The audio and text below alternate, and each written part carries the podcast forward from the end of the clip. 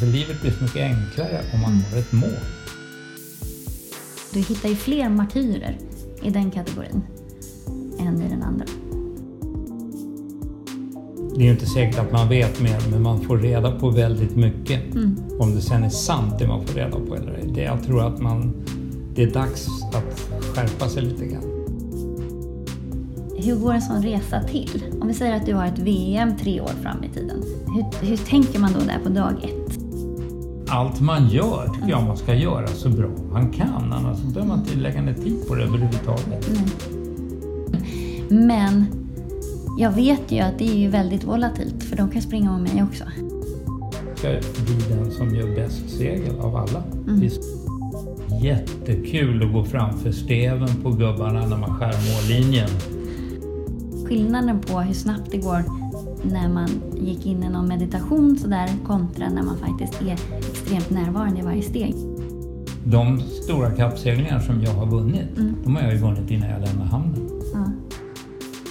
En heter No Excuse to Lose. Välkommen hit, Stefan Wiberg. Som är eh, en eh, väldigt rutinerad och erfaren seglare. Och du är här i egenskap av, för att vi ska prata om motivation och strategier och måluppfyllelse. Du är också således min far. Så jag har ju sett dig verka på nära håll.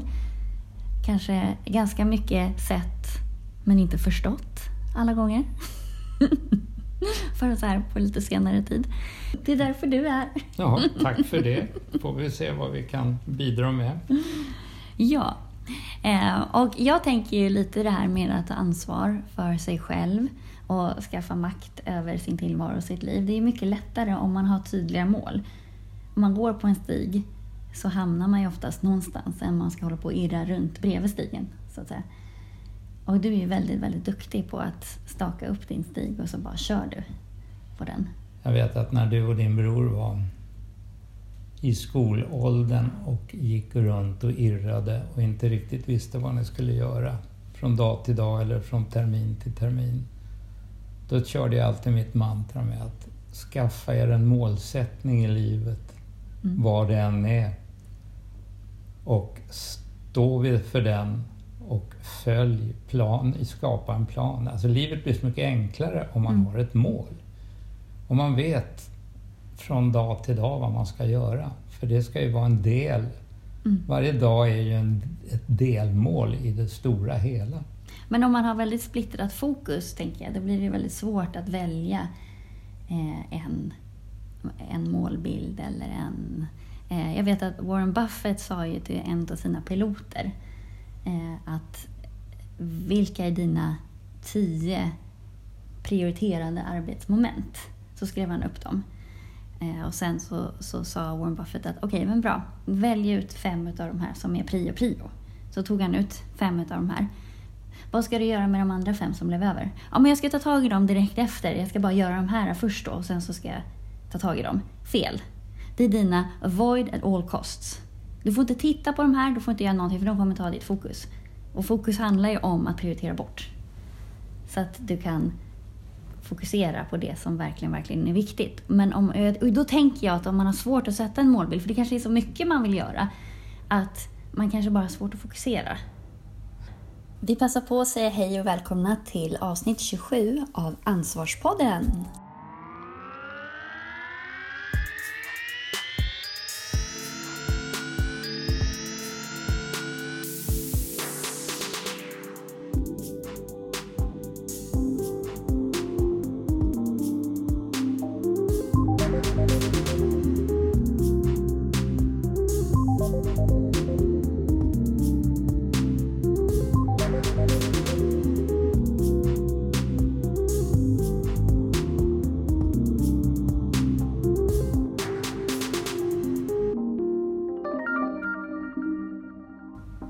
Välja, prioritera. Vilket av alla de här grejerna som faktiskt är viktigast. Vissa mål konkurrerar ju med andra av sina mål. Men sen finns det ju mål som inte konkurrerar. Du kan ha idrottsliga mål. Mm. Ja, men då är det ju då lättare. får, då får man ju lägga dem så att säga på sin fritid. Sen kan du ha arbetsrelaterade mål. Mm. Sen kan du ha familjerelationsrelaterade mål. Alltså hur vill jag ha det i mitt liv? Mm. Jag vet att när jag var lite yngre, sådär barnslig, 17-18 år, då sa jag att jag skulle, innan jag skaffade ett stadigt förhållande, Mm. så skulle jag ha ett antal materiella saker uppfyllda.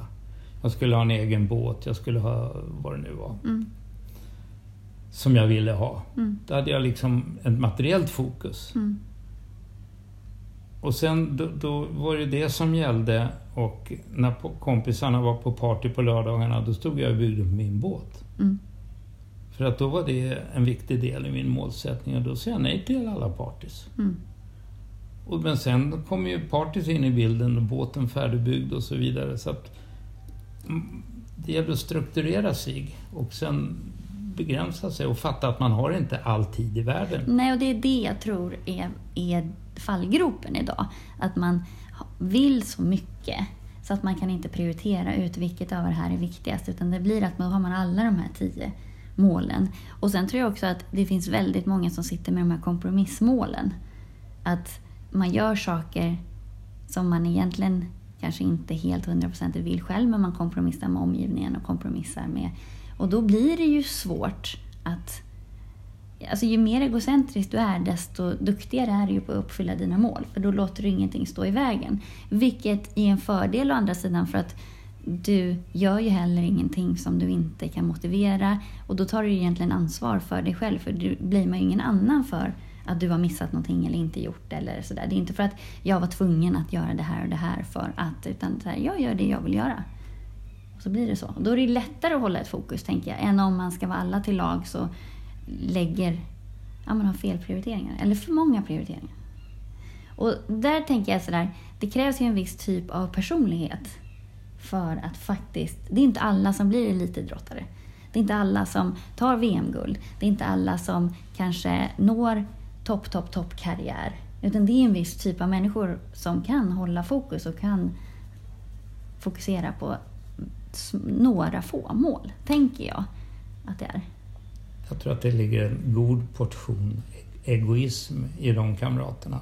Ja, fast det behöver inte vara negativt med egoism. Jag ser det snarare som någonting positivt. Men det är klart att det måste finnas en egoism i det. Ja, man, eh, jag tänkte så här att de kamraterna som alltid ställer upp och gör väldigt mycket för andra. Deras in- väg blir väldigt bred. Ja, exakt. Och eh, de kanske inte har någon egen idé om vad de vill mer än att vara till lags Nej, i alla hörner. Och det kan ju vara en målsättning i sig att eh, se till att andra mår bra. Men det är ofta, nu hårdrar jag lite och raljerar lite, men du hittar ju fler martyrer i den kategorin än i den andra. Och det är väl i så fall för de som inte har tänkt igenom varför de Mm. ställer upp för andra. Mm. Men de som medvetet ställer upp för andra och gör det för att de får en varm och god känsla, de behöver ju inte vara martyrer. Nej, nej, absolut inte. Och där är det lite också det här, gör ingenting som du inte kan motivera. Så att om jag gör det här för någonting annat, någon annan så är det för att jag vill det, jag kan motivera det. Jag gör det inte för att jag känner att jag måste eller att jag sitter i en lojalitetskonflikt eller att jag... Och så länge du gör saker som du kan motivera och står för den motivationen sen, då blir du ju inte martyr. Martyr blir du ju när du gör saker som du inte egentligen kan motivera eller stå för. Då blir det ju, lämnar ju det en liten sur eftersmak av att jag har mm, missat någonting annat eller jag har åsidosatt någonting annat som jag hellre vill göra egentligen. Eller så. Som du säger, det är nog en viss typ av personlighet som klarar att hålla de här fokuserade målen. Mm, Det är som man drabbas ibland av frågeställningar eller situationer där man måste på något vis man måste förhålla sig till det, Mm. vad det nu än är. Mm. Och antingen så kan man lösa problemet, Mm. vad det nu är. Mm. Och då är det ju bara att göra det. Ja, men gilla läget. Ja, på något sätt. Och skaffa sig en plan för hur lösningen ska gå till och sen fullfölja den planen. Mm. Eller också har man ingen lösning på det och då är det ju bara att släppa det. Mm. Det går ju liksom inte att det poppar upp en vecka senare. Nej. Om man nu har bestämt sig för att släppa det så att säga. Det, Nej. det, vissa saker kan man bara inte göra någonting åt och då, Ja, det ligger utanför min... ja, det brinner i, i norra Sverige nu. Ja. Antingen åker jag dit och Mm. anmäler mig som frivillig. Mm. Eller också tough luck för de som bor där. Jag tänker inte göra ett dugg åt det. Nej, och då får man också, det viktiga är att man står för det sen. Alltså står för det valet som man gör. Ja. Det är väl där ansvaret ligger. Så att man sen inte... För martyren kommer ju i efterhand och belastar andra för sina egna val. Ja. Jag åker inte till Syrien heller och ställer upp som frivillig hjälpare. Nej. Fast jag lider ju med de människorna som är där nere. Mm. Ja, men det är klart man, man kan ju ha empati för. Ja, Men, men det betyder inte att man prioriterar att göra någonting åt det. kanske. krig är ju för jävligt Ja. egentligen. Nej, men det är det absolut värsta som människan har skapat. Och jag tror att det är också en ignorans, nu kommer vi lite off ämnet Ja. här. Men just det där att Sverige har inte varit i krig på så otroligt länge så vi förstår inte i folksjälen vad krig innebär. Nej. Och vi förstår inte heller, det är också lite oroväckande, hur nära krig ändå ligger vårt land. Mm. Det räcker ju med att någon i öster får en idé. Så har inte vi så mycket att sätta emot. Speciellt inte nu när vi, när vi inte riktigt vet var USA står militäriskt. Nu är man inne på lite politiska funderingar och med dagens snabba kommunikationsmöjligheter så det är ju inte säkert att man vet mer men man får reda på väldigt mycket. Mm. Om det sen är sant det man får reda på eller ej. Det, jag tror att man, det är dags att skärpa sig lite grann. Ja. Jag såg på ett klipp ifrån Youtube Mm. från en kroatisk brandstation. Mm. Där det sitter ett gäng brandmän och tittar på fotbollsfinalen. Mm. Eller någon semifinal eller vad det var, när Kroatien mot något gäng och så var det straffläggning. Mm. Och så helt plötsligt så går larmet Mm. och alla reser sig upp och lämnar TVn Mm. under pågående avslutande straffsparkar. Och så tickar de iväg med sin brandbil och så är Mm. det tre killar kvar som inte ingick i Mm. den plutonen då. Och sen så gör Kroatien mål och de där tre grabbarna de kramar varandra och hoppar runt. Och då tänkte jag, för fan vilken disciplinerad brandkårsstyrka. Och så tänkte jag ett steg till. Varför filmas det här, den här sekvensen från brandstationen? Mm. Och varför läggs den ut Ja. på Youtube? Är det här verkligen sant eller är det en konstruerad historia? Men sen också så här, vem är avsändaren? Alltså vem har gjort det? Ja. Vem är avsändaren och vad kan syftet vara? Ja. Det måste man ju tänka på hela tiden. Och det där är ju verkligen det här med AI och, och hur det styrs med... eh, Ja, bara mobiltelefonen vet var du är någonstans. Det är jättebra för då kan jag se att det är bilköer tre mil längre fram. Det läser ju den bara av för att Google ser att många mobiltelefoner står still just där.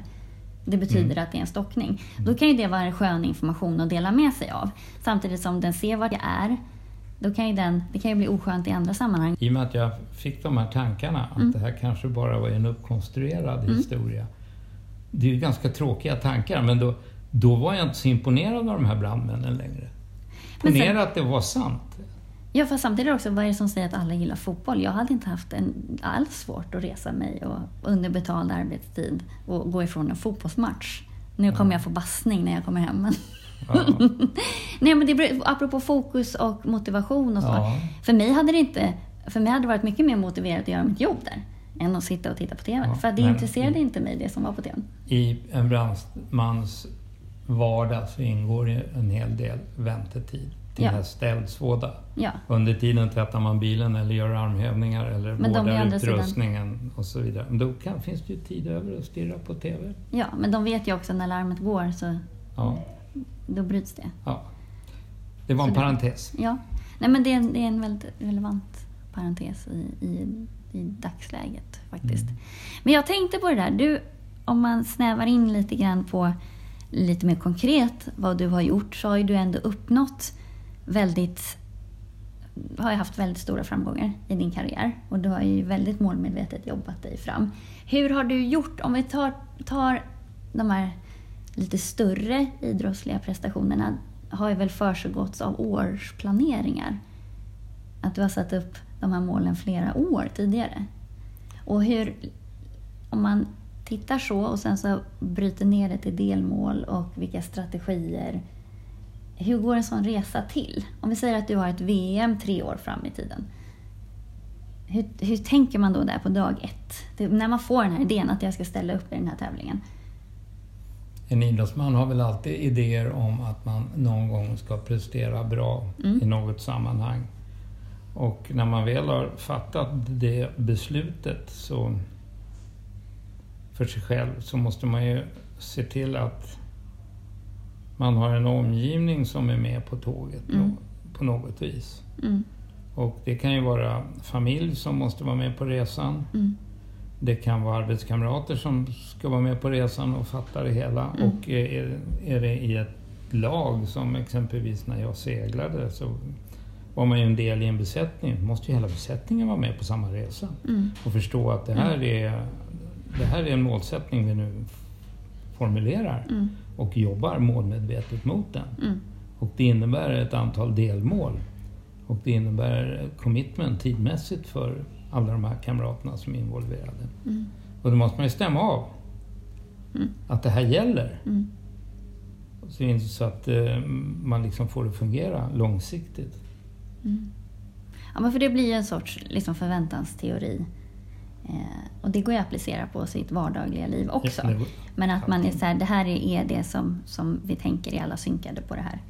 Ja. Så, så att det är både i den här idrottsliga prestationen samtidigt som det går att applicera i sitt, sin familjebild eller sin allting. Ja. Att man, det viktiga med, den, med förväntansbilden är att man har samma strävan mot samma gemensamma mål.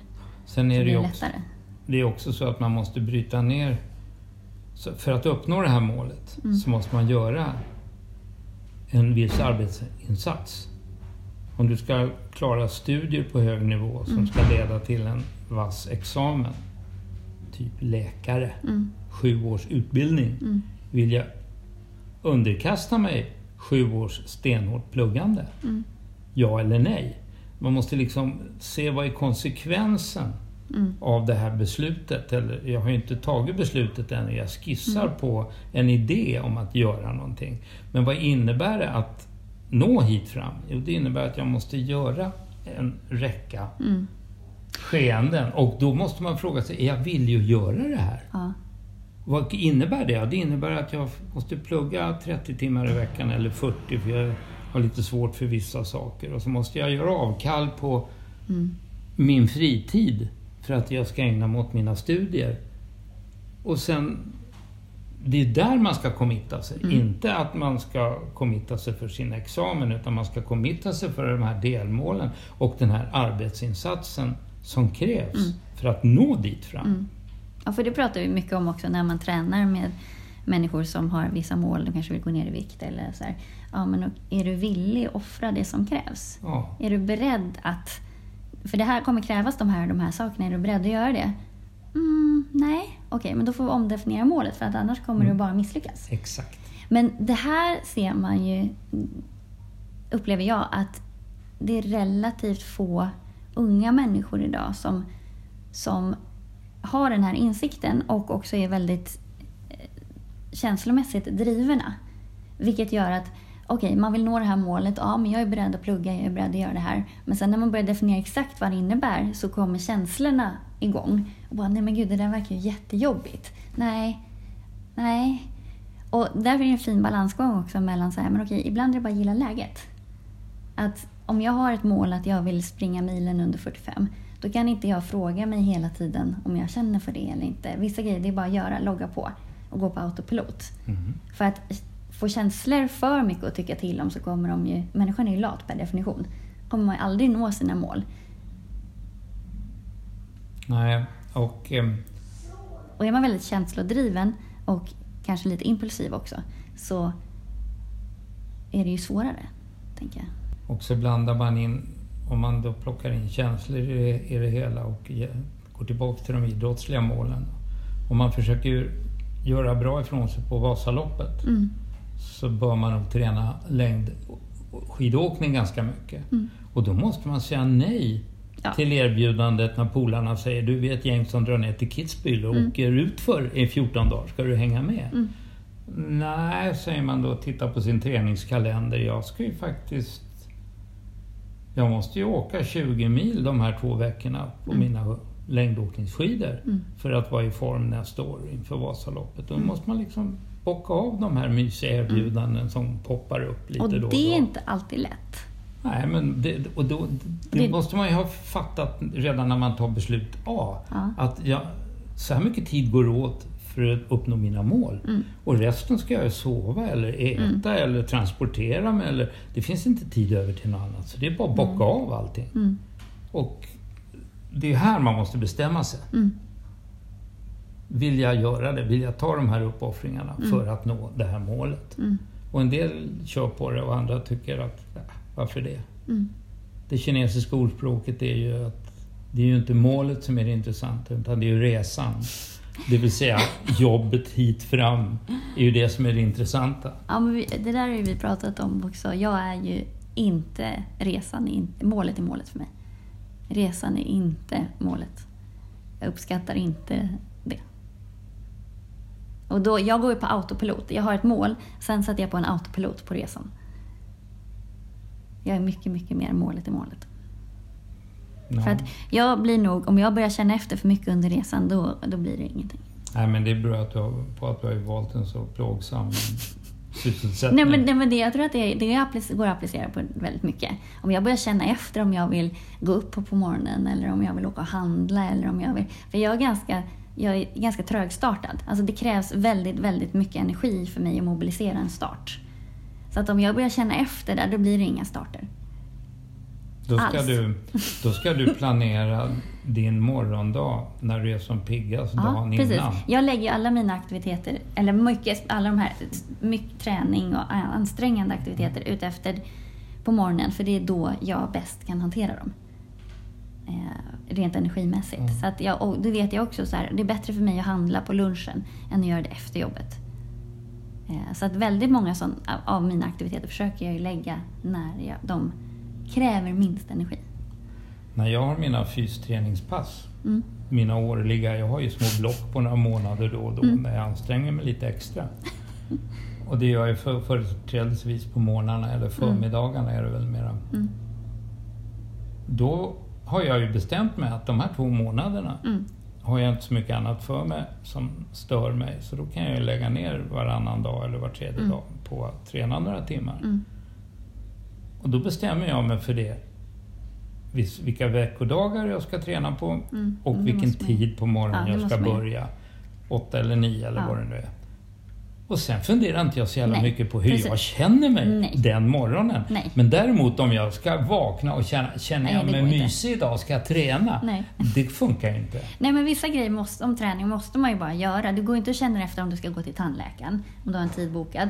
Eller om du ska besiktiga bilen, så här, känner jag för att bes- Nej. Eller om jag ska gå till jobbet. Det gör man bara. Ja. Och så måste det ju vara med träning och alla andra mål man faktiskt sätter upp Precis. Och göra. Men, men så är jag också. Jag är ändå ganska ruttad på att träna och så. Men jag måste ju ha bestämt mig innan jag går och lägger mig dagen innan. Måste jag ha bestämt mig vilken tid, vad ska jag göra när? Och sen har jag ett hyfsat träningsschema. Just Men sen är det logistik. Att okej, jag behövde göra det här. Var på jobbet tidigare imorgon bitti. Eller så här, shit, då rök min morgontid.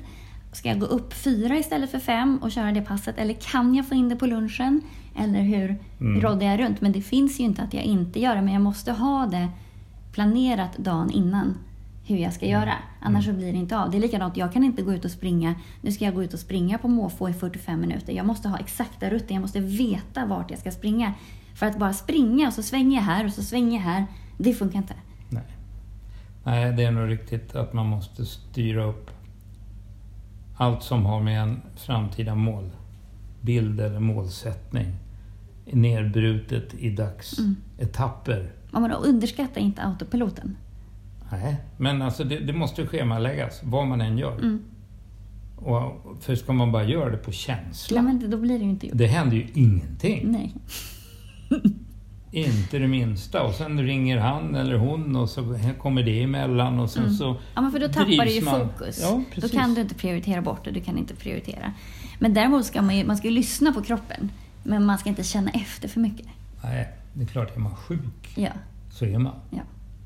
Men oftast är man inte så jävla sjuk om man har fullt upp. Men jag tänker så här, för man får ju svackor också. Det måste ju du också ha haft. Alltså att man tappar lite motivation eller att man känner att det, liksom, det var lite extra jobbigt idag att Mm. mobilisera. Hur, vad har du för strategier då? Ja, Eller du kanske inte, du är så robot, du kanske inte får... jag har ju oftast pysslat med grejer som är så otroligt roliga. Ja, men även Men- om det är roligt så kan man ju vara trött. Ja, Jag menar, jag vet när du jobbade som mest och, och både seglade och var segelmakare och aldrig sov. Alltså, ibland... drevs man ju av den stora glädjen att få ingå i ett eh, kollektiv som levererade något. Jag tänker på när vi gjorde segel till alla Volvo-båtar. Mm. Till de teamen vi jobbade med. Då var man ju nästan en del av Volvo Ocean Race Mm. mentalt. Jag seglade ju med grabbarna medan jag höll på att sy ut seglen. De här seglen som jag satt och jobbade med, Mm. de var ju ute på havet medan jag satt och sydde dem. Mm. Och jag var ju ombord. Och jag såg hur de användes och så satt man och bättrade på några sömmar här och gjorde några fix, Mm. fixade detaljer där. Men jag var ju inte i produkten, jag var ute på havet Mm. när jag gjorde allt det där. Men det där är jätteintressant för nu är du inne på det här med målbilder och motivation. Det är som jag pratade med dig för några veckor sedan när jag stod uppe på Ekonsnäsbacken och bara det här tar aldrig slut. Liksom. Jag, stod här, jag stod här för 10 år sedan, jag stod här för 20 år sedan uppe på den här toppen och jag springer mina intervaller. Jag kan ju få sådana att jag så här, det tar aldrig slut. Det är jätte, jätte, jättejobbigt och det tar aldrig slut. Att man, då får man ju börja tänka i det här att man ser sig själv i de här mer tillfredsställande situationerna. Det är ju inte, det är inte roligt att träna just när man är i den fjärde och femte intervallen eller vad det nu kan vara. Men däremot är ju känslan efter är ju magisk och dit man strävar, att komma dit, uppnå det, är ju magiskt. Men just delmomenten kanske inte alltid är jätteroliga och då behöver man ju de här motivations motivationsbilderna att jobba med. Eller att man har en annan verktygslåda av att man har eh, ass- lyssnat på musik när man är ute och springer som man har associerat med energi och sånt. Att man fuskar lite. Att man tar hjälp av motivationsbilder. Eller energi, utomstående energi på något vis. Ja, men visst är det så. Men jag tror att alla som har någon form av kroppsaktivitet, alltså typ träna, Mm. Måste ju ha en bild framför sig varför man gör det. Ja men precis. Men även fast man har det så kan det ju i stunden vara så oerhört plågsamt att det krävs väldigt, väldigt mycket för att fortsätta. Ja, men då, då, får, då måste ju målbilden vara stark. Alltså Ja, du måste precis. ju ha en målsättning som, fan, om, om du kämpar upp för Ekonsnäsbacken till exempel, i dina intervall. Mm. Eh, segment. Så om jag skulle göra det där jobbet, mm. då skulle jag ju se mina konkurrenter framför mig. Mm. Som jag skulle försöka springa ikapp. Mm. Så att jag skapar mig en verklighetsbild Mm. av det hela. Mm. När jag har mina fyspass när jag kappseglade nu Mm. tidigare och gjorde sit-ups och jag höll på med. Det var inte sit-ups jag gjorde, jag satt ju på kanten på min båt och hängde. Du, Och jag hade konkurrenter snett framför mig nere i le som jag höll på liksom seglade förbi. Ja. Och, och, jag var ju på sjön. Och det är bara tio minuter kvar till jag går i mål. Det är bara att hänga i här nu. Vad spännande. Så du leker egentligen? Alltså Ja, du kör lite ja. så här rollspel? Ja. Gud vad fascinerande. Det gör inte jag. Jag är mer så att jag är nog mer disciplinerad på det sättet att jag är så här, man bryter inte ett pass. Man får aldrig kliva av ett pass. För då vet man att den möjligheten finns. Då, ska, då start, öppnar man en lucka i huvudet. Att, det är likadant, man bryter inte en tävling. För att då skapar man den här, liksom så här, då vet hjärnan att man kan faktiskt bryta. Mm. Då har man talat om det för hjärnan. Och det, där är jag jättenoga med att hålla, om det inte är så att jag känner att jag verkligen sådär, oj nu rusar min puls. Alltså kroppen beter sig väldigt märkligt. Då måste man ju ha lite sunt förnuft och bryta. Mm. Men annars drivs jag nog mycket av så här, man bryter inte ett pass. Ja, det, ja. Ibland kan jag nog tänka så här, när jag verkligen behöver lite extra, att jag så här, okej spurta nu för det är så det känns på ett upplopp. Det är det du ska träna på liksom inför. får ju ha fyra, fem konkurrenter runt dig. Som du segar dig förbi och kommer upp som vinnare. Det är som ett tv-spel. Ja, du, Det perspektivet har jag aldrig någonsin haft när jag har tränat. Utan jag har bara haft det här att bara slutföra. För jag tävlar ju väldigt mycket mot mig själv. Det finns ingen annan där. Det här är bara jag och min tid. Jag tävlar mycket med tiden och klockan och eh, löpstegsfrekvensen och ja. Men du har ju chansen att, att tävla i en, i en miljö där du har konkurrenter nära inpå dig. Men jag- Ni har ju hyfsat gemensamma starter och det är Absolut. utspritt lite grann. Men du har ju alltid några framför och Ja, några bakom dig. absolut, Och de som är bakom dig, de ska du ju lämna. Ja. Och de som är framför ska du ju komma ikapp. Men jag kan nog också brytas ner lite grann av att om jag, jag triggas inte bara av att folk är framför mig. Utan jag blir mer så jag gör en ganska snabb estimering huruvida jag kommer komma ikapp eller inte. Och kommer jag inte ikapp, då blir jag så här, då ger jag upp lite grann. Så att för mig är det nog nästan bättre att tävla med min egen tid. Eller att... Ja. För jag kan bli lite knäckt av att, and, att inte... Det är alltid någon som är bättre och det kan jag bli knäckt av. Men däremot så här, det spelar ingen roll om jag vinner eller om jag kommer in som hundrade person. Om jag vet när jag går över mållinjen att jag hade ingenting mer att ge, då är jag nöjd. Sen spelar det ingen roll placeringen. Egentligen det är klart att det är jätteroligt att få stå på pallen eller göra bra ifrån sig. Men jag accepterar att om jag gav allt när jag gick över mållinjen inte hade något kvar, då var de andra bättre tränade. Jag accepterar det. Och då mår jag inte dåligt av det. Men däremot om jag så här, försöker säga jag ska slå den här personen och sen så gör jag inte det. Det är jättejobbigt. För då har jag misslyckats i mitt mål. Då har jag satt upp ett mål som jag inte nådde. Nej, men inte, du kanske inte, inte nådde den första gången, du kan ju nå den så småningom. Kanske, beroende på omständigheter. Men det intressanta är att du säger att du hade ju som målbild, eller nu nämnde du, att det är kul att stå på pallen. Ja, För mig har det aldrig varit kul att hämta ett pris. Det har varit jättekul att gå framför steven på gubbarna när man skär mållinjen. Sen är det där över. ja den tillfredsställelsen har jag inte. Utan jag, jag finner mer en tillfredsställelse av själva prestationen i efterhand. Jag finner, ingen tillfredsställelse i... Jo, jag kan finna, en tillfredsställelse i att känna mig stark och springa om folk till exempel. Men jag vet ju att det är ju väldigt volatilt för de kan springa om mig också. Och där, då, ligger, då har jag lagt... Då känns det som jag har inte kontroll på läget. Om jag bara springer mot mig och klockan, då har jag full kontroll för jag vet vad min kropp är tränad för. Jag vet vad klockan är. Men däremot, det kan ju komma någon bakifrån som har hur mycket energi som helst. Eller jag kan snubbla eller jag kan... Förstår du vad jag menar? Ja. Att det, för mig blir det, det stressar mig mycket mer för att jag har inte kontroll. Sen så är det klart att det, jag gillar ju bekräftelsen i att ha presterat bra.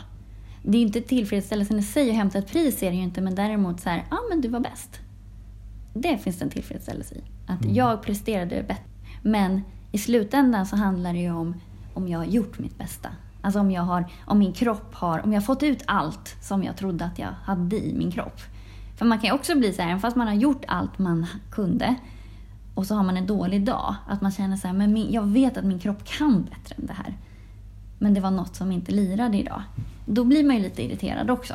Man känner att man var i bra form och sen så klaffade det inte. Då blir man ju störd. Sånt inträffar ju naturligtvis också för alla.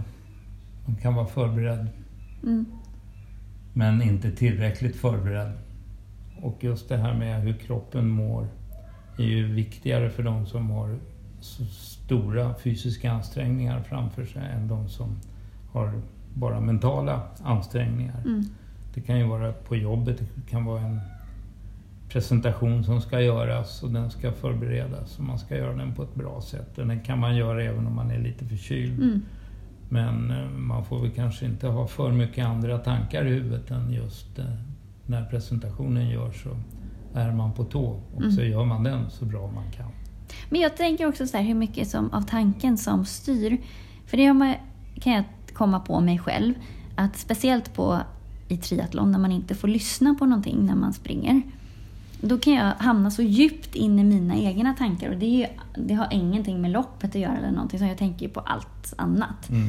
Att det är faktiskt, jag glömmer bort att springa. Alltså jag springer men, men jag kanske hade kunnat ge lite mer. Alltså förstår du, man tacklar av lite för man glömmer bort vad man gör. För man tänker på en massa andra grejer. Och just här skillnaden på hur snabbt det går när man gick in i någon meditation sådär kontra när man faktiskt är extremt närvarande i varje steg hela tiden och är i tävlingen hela tiden. Det är stor skillnad på prestationen. Även fast är, när du är i det här meditativa tillståndet då är det ju behagligare att löpa. Men det kanske är också för att du inte riktigt pushar dig då på gränsen hela tiden. Jag tänker på de här kamraterna som sliter på i längdspåret. Mm. De pratar ju mycket om teknik, mm. framförallt i skating. Mm. Och att de måste tänka i varje stavtag mm. och skidtag. Ja, men för det är det som händer när tanken är i loppet där då. Ja. Då tänker jag ju så här, upprätthåll frekvensen, håll sträck, håll andningen, mm. håll alla sådana mm. grejer. Och när jag går in i meditationen, då glömmer jag ju det och då går det ju långsammare. Just det. Och då gäller det att ha rätt fokus. Men då, är, mm. då måste ju fokuset det måste ändå vara kopplat till mm. sin målsättning. Mm. På något vis. Där blir det ju för sig nackdelen när det är så där så fruktansvärt jobbigt som det kan vara. Då han, till slut går man ju bara in i det här så här, du ska bara ta dig i mål nu. Bara ta dig i mål. För att allt annat är övermäktigt. Då glömmer man ju bort det stora hela. Det blir bara så extremt här och nu. De stora kappseglingar som jag har vunnit, mm. de har jag ju vunnit innan jag lämnade hamnen. Ja. För att jag har liksom, jag har redan seglat klart. Mm. Det gjorde jag flera veckor innan. Mm. Så hade jag en bild av hur jag mm. segling för segling malde ner konkurrensen. Och det var så självklart att sen bara fullfölja det i, mm i praktiken. Där... När väl regatterna kommer, så det var ju redan klart. Men har du haft regatter då där du har tänkt så fast du inte har vunnit? Eller glömde du bort att tänka så på alla? Ja, eller var inte tillräckligt förberedd eller inte Nej. tillräckligt motiverad. För det finns mm. ju i en sån här förberedelseserie så finns det ju regatter man deltar i som inte är viktiga att vinna. Däremot mm. kan det vara viktigt att man gör en analys på en mm. viss typ av segel eller ett visst sätt mm. att trimma båten. Eller man provar olika sätt att starta. Mm. Och då måste man göra sig det besväret så att säga och träna de sakerna. Och då är inte slutresultatet i denna specifika regattan så viktig. Nej, det är en träningstävling. Ja, exakt. Men det vet jag att Peter Forsberg sa också inför den här kända matchen mot Finland, var det väl? Eh, när mm, liksom fokuset är där, varför Sverige vann. Och de hade ju bestämt sig redan innan. Men det hade ju finnarna också. Och, så här, och enligt honom då, alla på den isen är lika vältränade. Alla tränar lika mycket, alla förbereder sig lika väl. Så. Det handlade bara om vem som ville det mest mm. i det läget. Mm. Så det var det enda som skilde. Men så är det nog i, i mycket idrott. I många idrottskamper så finns det någon som har lite mera vilja. Mm. Givet att uh, man är lika vältränad. Mm. Och, det, ja, men, och då är det ju viljan som, som fäller avgörandet. Ja, men just att man inte underskattar den faktorn i att om hjärnan, om det inte finns några alternativ för hjärnan så tänk, då har den ju lättare att hålla sig på vägen. Mm. Och den ser, för vi skapar ju mycket genom våra tankar också. Det blir som vi tänker. Och om det då inte finns några alternativ än att vinna eller att klara sig igenom det här eller klättra upp för det här berget eller vad det nu kan vara. Eller få huset städat eller så. Det är, ju, det är ju det som är en del av fokuset också. Att inte ens hjärnan, för hjärnan gör ju, lurar ju oss och skapar ju sidospår och kan ju ställa till med jättemycket. Men om man förenklar det för hjärnan, för det som också tar mest energi av oss är ju tankeprocesser. Så att om hjärnan inte behöver tänka, utan att den bara har en utstakad, om den kan gå på autopilot. Och så. att man på något vis lurar sig själv och tycker att allt man gör är roligt. Ja men roligt är, är ju en volatil... Ja, men alltså, det är ett val man gör. Ja. Allt saker är bara, de är neutrala. Sen ja. väljer jag om jag tycker att de är roliga eller tråkiga. Och måste jag göra dem så kan jag lika gärna försöka välja att... Att tycka att det är att, roligt. det är bara en inställningsfråga. Ja. Men en del kan ju gå omkring och städa ett hus och tycka det är tråkigt. Det är roligare att säga Fan vad mysigt, det blir rent och snyggt. Ja. Vad kul att få dammsuga just det här hörnet mm. och se hur rent det blir. Mm. Istället för att tycka att åh vad tråkigt, ska jag hålla på med det här i två timmar.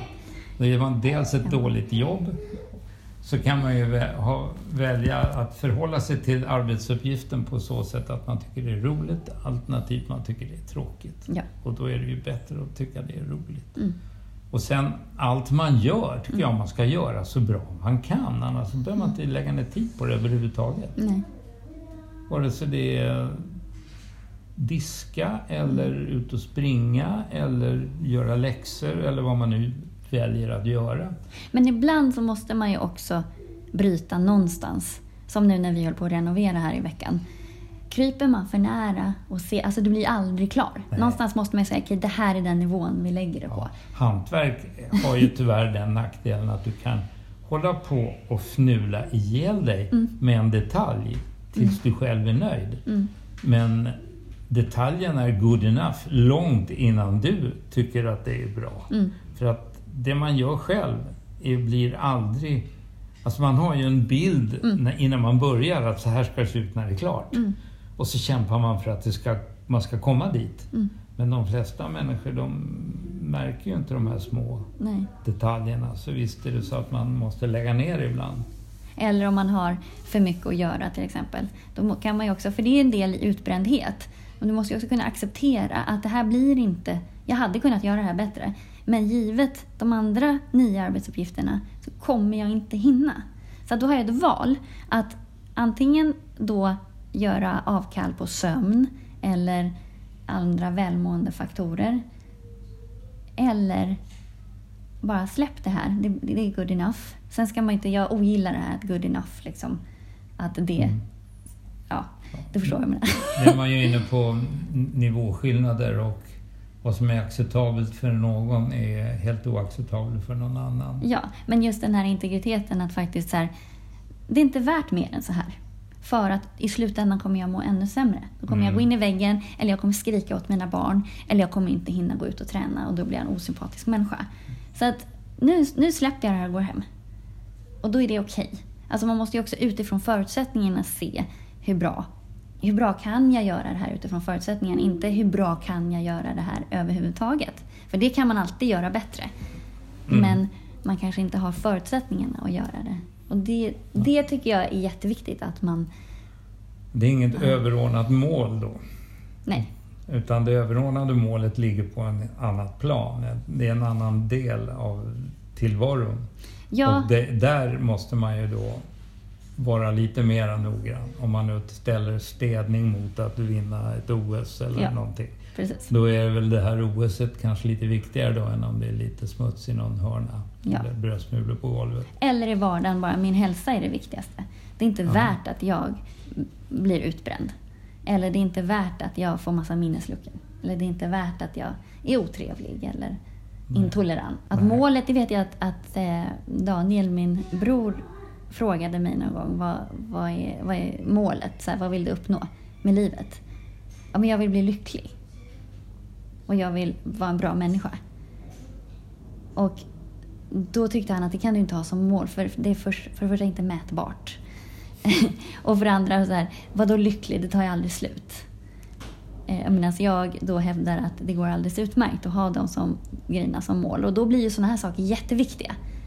Att skapa förutsättningar för harmoni. Men just det där med mätbart, man brukar ju säga när man sätter upp mål och sådär att, att det ska vara tydligt och mätbart. Eh, och att det ska vara liksom begränsat och relevant för det stora målet och sen så att det ska vara tidsbestämt. För att man ska kunna uppnå någonting. Och just det där att, att när man sätter ett mål, den här tydligheten, att man är specifik, inte bara eh, jag, okej jag vill bli lycklig. Men vad innebär lycka för mig då? Att man bryter ner det och verkligen, eller jag vill gå ner i vikt. Ja men exakt hur många kilon? Att det inte bara är, okej jag ska försöka. Eller jag ska bli bättre på det här. Exakt vad är det du ska göra?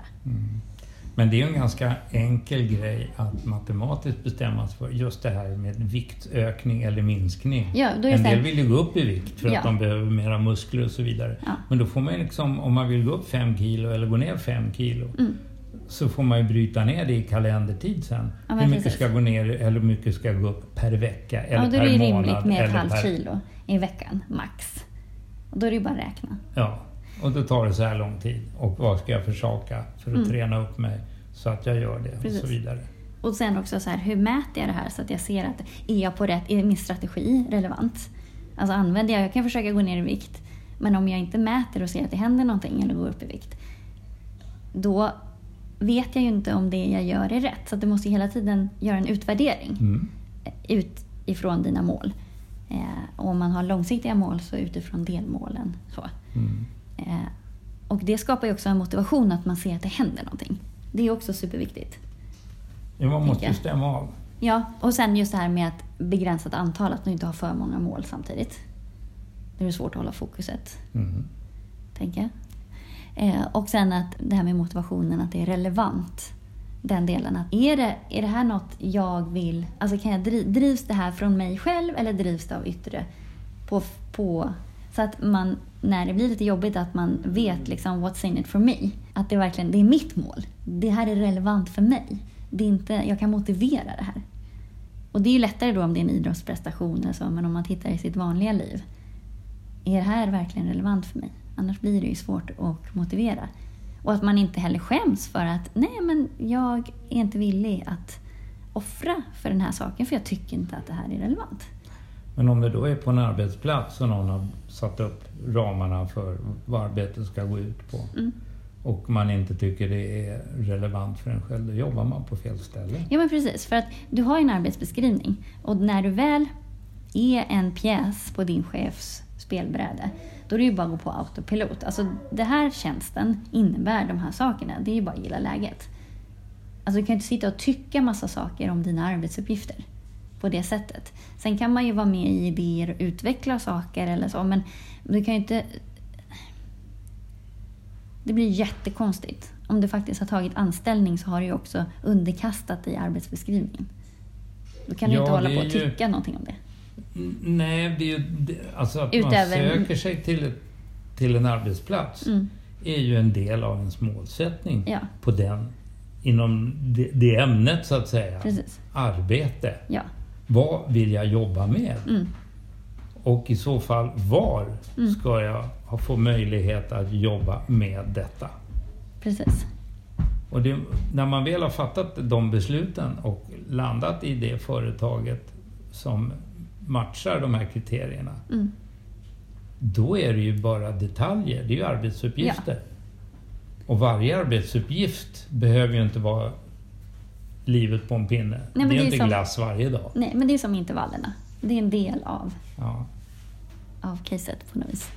Och sen det här med, med tidsbestämmande grejen, att de här grejerna ska vara klara, alltså deadlines. Det finns en duktig amerikansk seglare som eh, varit väldigt framgångsrik i sin karriär och som var väldigt snäv i sina tankar. Mm. Han har skrivit en del böcker. En heter No Excuse to Lose. Mm.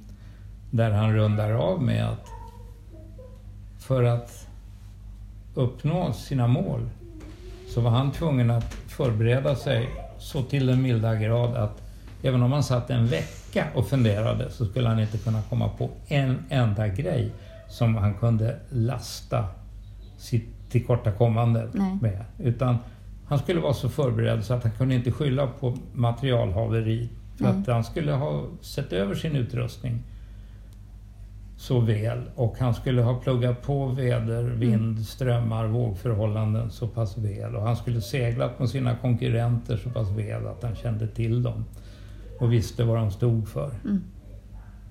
Och det enda han skulle kunna skylla på det var den egna mentala kapaciteten.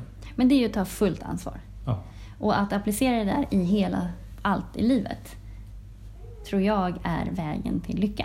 Och det finns flera seglare som har gått så här extremt långt. Det finns en Vem kille var den här första då? Det var Dennis, Conner. Ja. Och så fanns det en kille som hette John Bertrand, Mm. australiensare, som i sin tidiga ungdom bestämde sig för att han skulle vinna Amerikas Cup, eller i alla fall segla om Amerikas Mm. Cup och helst vinna det. Mm. Och han insåg också att han förmodligen skulle få möta denne Dennis. Conner. Mm. Vilket förde med sig att John Bertrand, han gastade åt Dennis Conner för att lära sig Dennis Conners psyke. Mm. Som han kunde ha glädje av Mm. 20 år senare i livet när de möttes på kappseglingsbanan som konkurrenter. Och då Mm. vann John Bertrand. De var Ja. den första som vann Amerikas Cup förutom amerikanerna själva.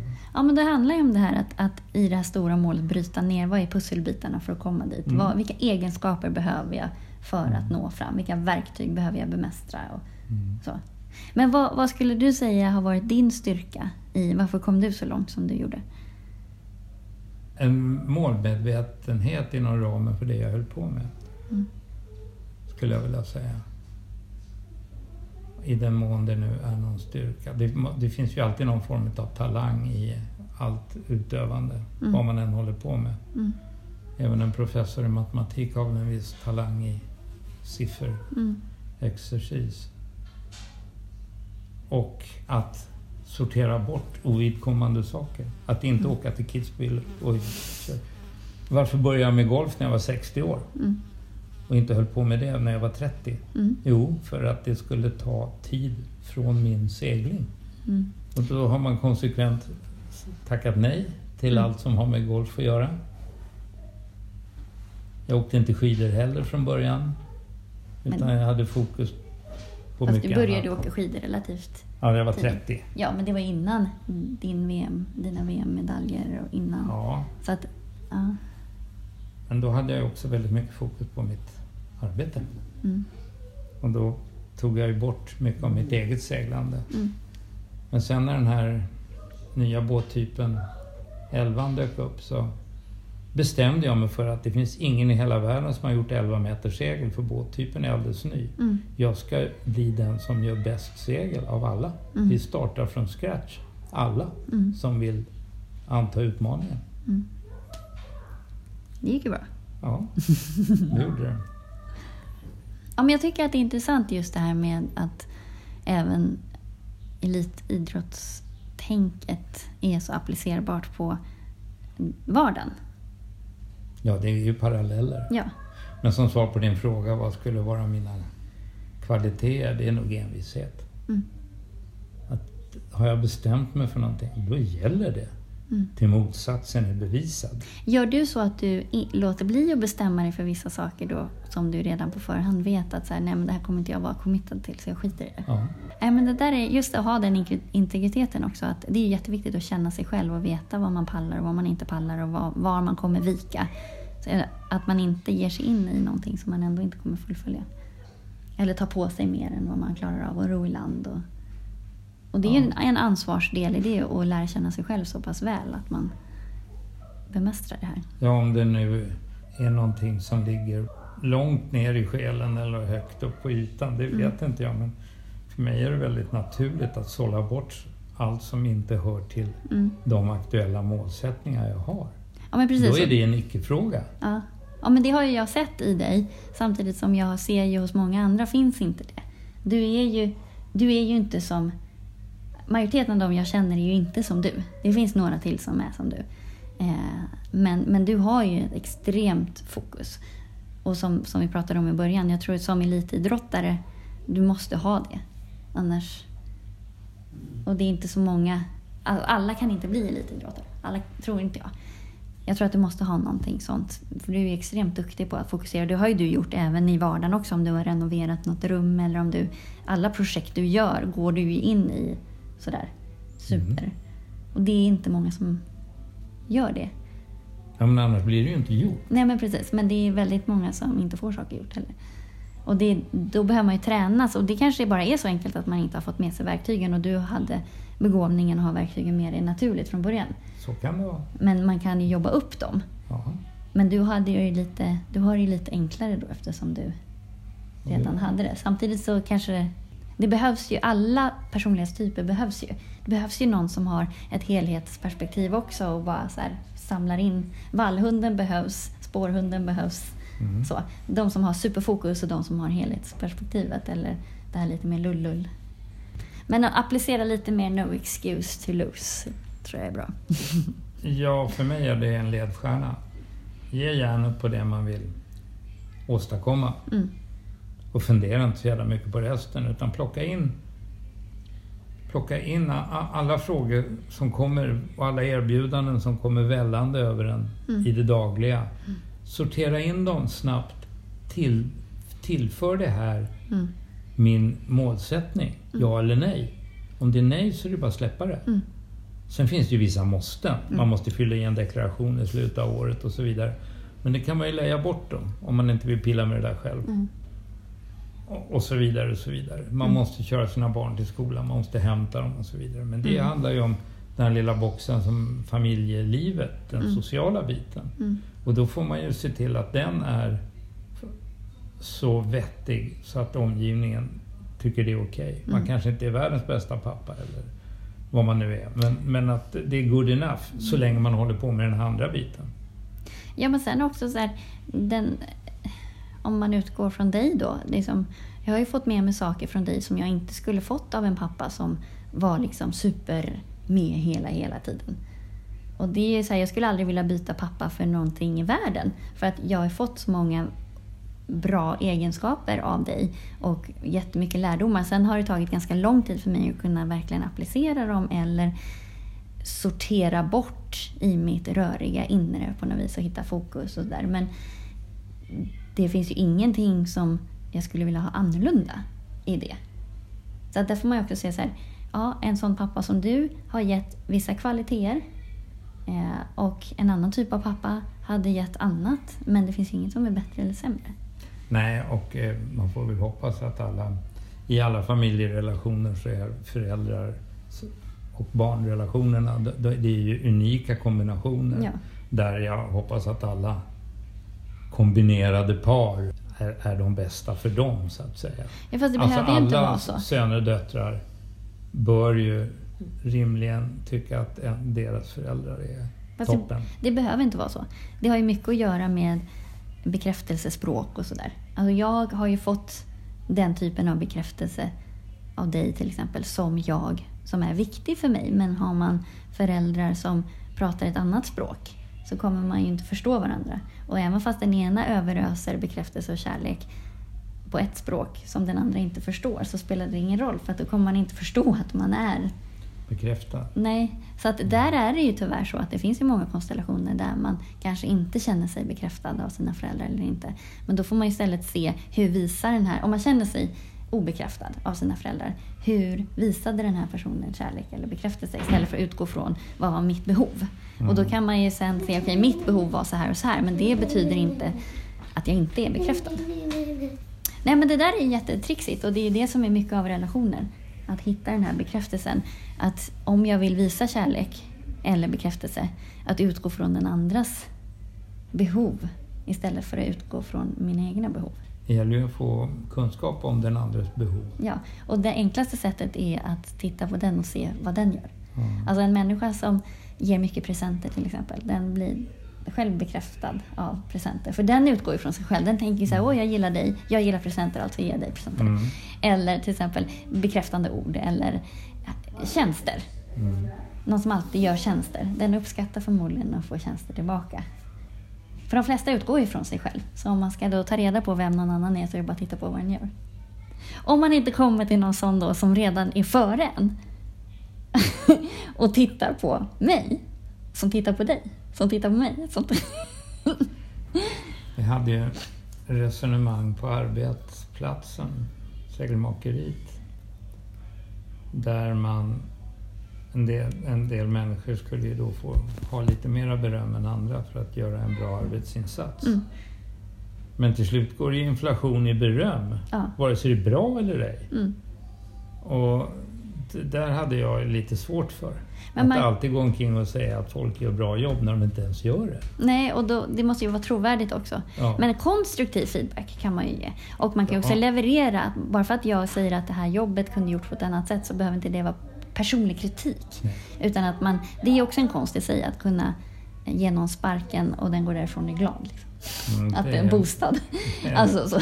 Yes. Eh, Men ja. Åke Nordin han körde ju alltid mantrat att ett misstag på jobbet beror på dåliga arbetsinstruktioner eller felrekrytering. Och bägge delarna är ledningens ansvar. Mm. Och Åke Nordin är alltså VD för Fjällräven. Han var Fjällrävens grundare. tycker jag är rätt bra formulerat. Mm. Man kan aldrig skylla på en medarbetare för att ett misstag begås. Om det är första gången. Men om det är Mm. fjärde gången, Mm. Då kan man ju börja fundera på om det är rätt gubbe på rätt ställe. Går även att applicera i barnuppfostran. Faktiskt. Ja. Eh, Att man kan inte skälla på barnet om man inte har varit tydlig i instruktioner eller i vägledning. Nej, så är det. Faktiskt. Bra. Så det var kloka ord från honom. Tack så jättemycket. Jag tycker att vi har kartlagt lite grann kring det här hur man kan tänka i målstyrning och mot så strategier. Jag hoppas att jag har bidragit till något. Verkligen. Tusen tack för din tid. Varsågod. Du får fortsätta njuta av sommaren här. Ja. Hej då!